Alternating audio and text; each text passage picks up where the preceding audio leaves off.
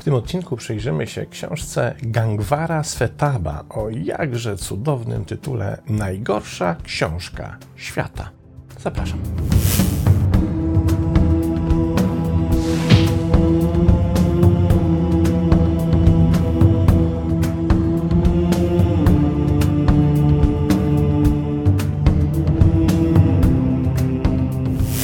Zwykle zacznijmy od sprawdzenia, kim jest autor tejże książki, pan Gangwar Svetap. Jak sam twierdzi o sobie, to jest z opisu o nim, który znalazłem przy jego książce na Amazonie. Jest profesjonalnym rozwiązywaczem problemów i jest w tym mistrzem. Cóż za skromność. Przez ostatnie pięć lat ludzie z całego świata zgłaszają mu swoje problemy, a on je rozwiązuje. Gdzie? Na YouTubie gdzie śledzi go ponad milion subskrybentów. I już wiemy, że ta niby skromność była jakże uzasadniona w jego przypadku. Ma powody do tego, by się tym chwalić. I to nie tylko mieszkańców Indii, sam autor mieszka w New Delhi, ale też wśród jego subskrybentów są obywatele całego anglojęzycznego świata. Mamy zatem Gangwara Svetaba, pana Hindusa, który w 2019 roku publikuje książkę o tytule Najgorsza książka wszechczasów, czyli The Rudest Book Ever. Od razu, jak się domyślacie, tytuł zwrócił moją uwagę i na szczęście dobrze, bo książka w moim przekonaniu niezwykle cenna i wartościowa i trudno się dziwić, że została tak szybko bestsellerem Amazona, sprzedając się w niebotycznych ilościach egzemplarzów. Posłuchajmy, co zatem mówi w swej książce pan Gangwar. Ta książka to zbiór perspektyw. Nie chodzi o jedną pieprzoną rzecz. Ta książka nie ma na celu nauczania, została napisana, abyś pomyślał. Zasadniczo ta książka ma na celu uwolnienie umysłu od wszystkich bzdur, do których nieświadomie się przywiązałeś i z powodu których cierpisz, od idei szczęścia po ludzi w Twoim życiu. Na szczęście nikt nie rodzi się idiotą. Nieświadomie wybieramy bycie idiotami, ponieważ nie uczono nas metodologii myślenia. Pozbawieni tej wiedzy, ludzie nieświadomie postrzegają to, czego nauczyli się od rodziców, otoczenia i reakcji emocjonalnych, jako faktyczne wnioski. Jeśli zaś dorastasz z takimi naukami, będziesz je nazywał naukami opartymi na faktach, ponieważ mogą wydawać ci się oparte na faktach, ale niekoniecznie takie są. Niestety często opierają się wyłącznie na strachu i ignorancji. Grubo, prawda? I książka rzeczywiście mówi językiem dość niewybrednym. Wszyscy amatorzy wulgaryzmów znajdą tam dla siebie wiele przyjemności doświadczania tak mocnego i silnego przekazu. Natomiast oczywiście wartość tej książki nie leży w wulgaryzmach i myślę, że tutaj Gangwar celowo stosuje taką technikę, żeby przyciągnąć uwagę i żeby poruszyć swoim czytelnikiem i rzeczywiście takiego poruszenia dokonuje. Oczywiście książka jest dość spora i dotyczy bardzo wielu różnych przestrzeni naszego życia, naszych relacji, naszego dzieciństwa, traum, jakie się w tym dzieciństwie pojawiły, jakie się ciągną za nami przez nasze całe życie, wpływu naszych rodziców na to, w jaki sposób zostaliśmy ukształtowani, wpływu społeczeństwa, wpływu mediów, wzorców, druków kulturowych, całego tego czegoś, co jakżeż kolorowo Gangwar nazywa całym tym shitem, który wypełnia nasz umysł i od którego tak ciężko jest nam się uwolnić. Oczywiście nie będę omawiał wszystkich aspektów książki, naprawdę warto ją przeczytać, żeby dowiedzieć się, w jaki sposób możemy zmienić perspektywę naszego postrzegania nas samych w świecie. I myślę, że niektóre z uwag Gangwara będą naprawdę nie tyle nawet szokujące, co, co odkrywcze i warte zapamiętania. Ja w opowieści o tejże książce chciałbym się skupić na właściwie jednym z elementów, który jednocześnie stanowi niejako ich główne przesłanie.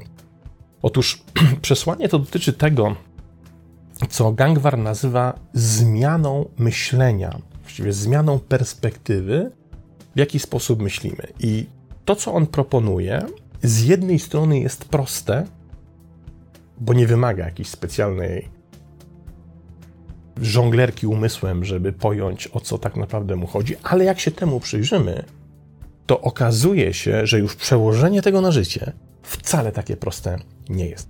O co tak naprawdę chodzi?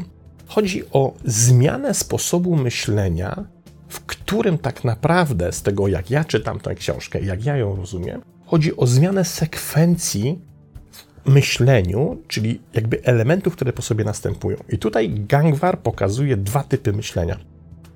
Pierwszy typ to jest myślenie, które on nazywa co myślę, a drugi typ myślenia to jest myślenie, które Gangwar nazywa jak myślę. I okazuje się teraz, że w zależności od tego, jak te klocuszki ze sobą zostawimy i w jakiej kolejności je ze sobą ułożymy, tak może się zmienić totalnie nasze życie i perspektywa tego, jak widzimy świat, jak widzimy siebie, jak widzimy innych ludzi. I Gangwar mówi coś takiego. Otóż w tym pierwszym modelu, kiedy myślimy to, co myślimy, i najważniejsze jest to, co my myślimy, to kiedy ten element stoi na początku tej sekwencji, to dopiero to, w jaki sposób my postrzegamy samych siebie, siebie w świecie, to to wynika z tego, co my myślimy. Czyli tutaj główną bazą jest idea, jest przekonanie, jest nasza wiedza na temat świata. I Gangwar pokazuje, ta wiedza bardzo często jest po pierwsze nieaktualna, bo świat się zmienia, po drugie nieprawdziwa, ponieważ została nam wszczepiona w drukach kulturowych przez naszych rodziców, rówieśników, nauczycieli, media itd., tak itd. Tak Ale ta baza tego, co ja wiem, ona jest fundamentem do tego, w jaki sposób ja myślę o świecie i o sobie. Czyli jakby to, jak ja myślę, bierze się z tego, co ja myślę. I Gangwar proponuje tutaj, żebyśmy dokonali bardzo sprytnej zmiany, która wydaje się niewielką zmianą, ale tak naprawdę jest zmianą fundamentalną. On mówi: odwróć tę sekwencję. Zacznij od tego, jak myślisz, i dopiero w efekcie tego, jak myślisz, ma powstać to, co myślisz. Gdzie jest różnica? Otóż różnica tkwi w tym, co jest nasze, a co jest nie nasze. Kiedy przychodzimy na świat, rośniemy, wychowujemy się w określonym środowisku, w określonej narracji, słuchając określonych faktów, określonych przekazów i budując na podstawie tych przekazów określone przekonania, my tak naprawdę niesiemy z sobą zaakceptowaną bazę wiedzy, którą w ten sposób dostaliśmy. Oto to, co jest, takie jakie jest, i przyjmujemy to takie, jakie jest, ponieważ zazwyczaj inni nam powiedzieli, że to jest właśnie takie. A zatem w efekcie tego, jakie coś jest, następuje dopiero proces myślowy. Przyjmujemy bazę i na fundamencie tej bazy zaczynamy myśleć. Gangwar mówi: zrezygnuj z tej bazy. Zapomnij o wszystkim, co wiesz. Zapomnij tego, co cię nauczyli rodzice, bo to najprawdopodobniej już jest nieaktualne w dzisiejszych czasach. Powiem ci więcej: zapomnij to, czego cię nauczono w szkole. Zapomnij to, czego ci nauczono na studiach. Bo tak naprawdę bardzo wiele tej wiedzy, którą tam dostałeś, dzisiaj nie tylko, że jest nieadekwatna do tego, co się dzieje wokół ciebie i jak budujesz swoje własne życie, ale bardzo dużo tej wiedzy przeszkadza ci w rozsądnym budowaniu tego, kim jesteś i tego, w jaki sposób twoje życie może wyglądać. A zatem zacznij proces myślenia nie od tego, co wiesz, co znasz, ale od tego, w jaki sposób możesz to przemyśleć na nowo. W jaki sposób możesz włożyć do tego swój własny indywidualizm? W jaki sposób możesz zrezygnować z tego, co ci podsuwają na tacy media, rodzice, nauczyciele, szkoła, ktokolwiek i zacznij myśleć po swojemu. Wówczas zaczniesz budować perspektywę samego czy samej siebie w zupełnie nowy, ale totalnie wartościowy dla ciebie sposób, bo nie oparty na tym, co ktoś ci podsuwał. To coś, co Gangbar nazywa całym tym shitem. Posłuchajmy dalej. Gangwer pisze tak. Osoba wychowana na tym, co myśleć, ma tendencję do podążania za pomysłami, ideologiami i stylami życia, które odzwierciedlają związek z ich znajomością nabytą od innych. Osoba wychowana na tym, jak myśleć, ma tendencję do kwestionowania, filtrowania i odrzucania idei, ideologii, sposobów życia, które są odzwierciedleniem tego, co uznajemy za fakty. Osoba wychowana na tym, co myśleć, skłania się do szukania rozwiązań swoich problemów u innych, zamiast myśleć i odkrywać rzeczy samodzielnie. Zobaczcie, jaka z tego wynika żelazna konsekwencja.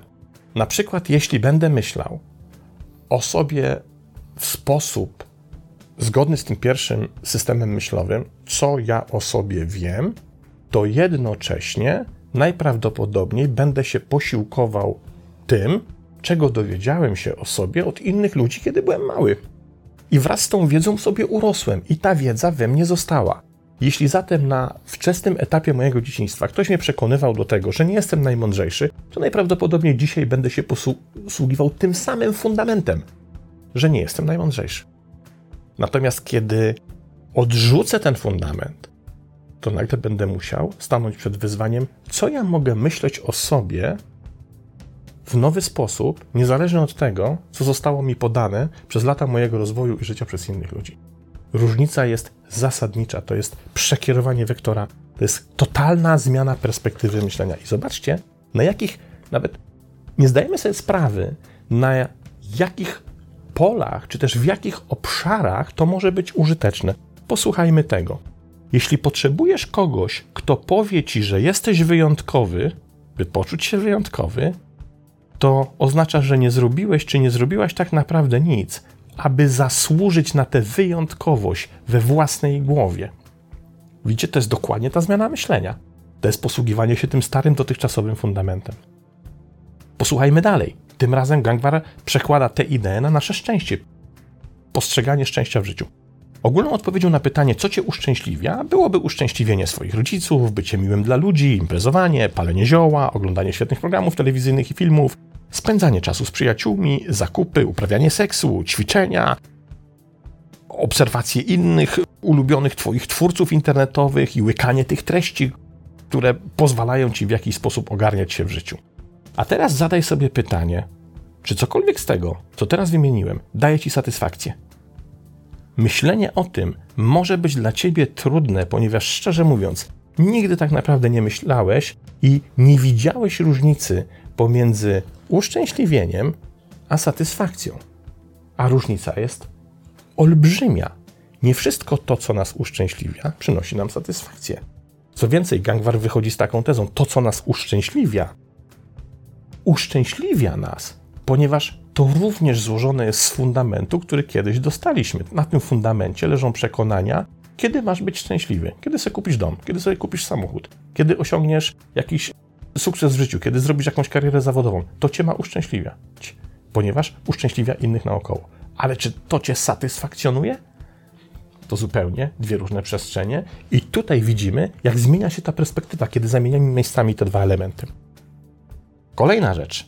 W jaki sposób postrzegamy innych ludzi?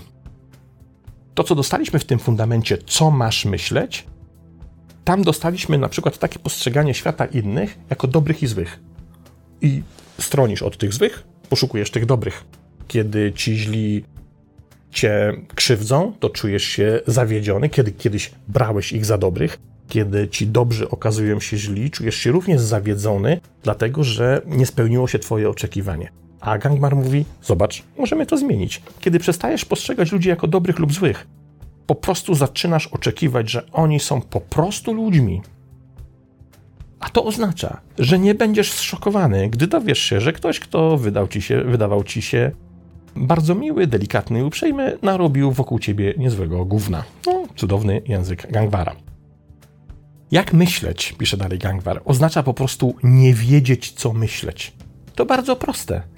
Czyż nie za bardzo? To znaczy, że jeśli to zrozumiałeś, to naprawdę jest takie proste. Sposób, w jaki teraz myślisz, zależy wyłącznie od tego, jak nauczono cię myśleć jako dziecko.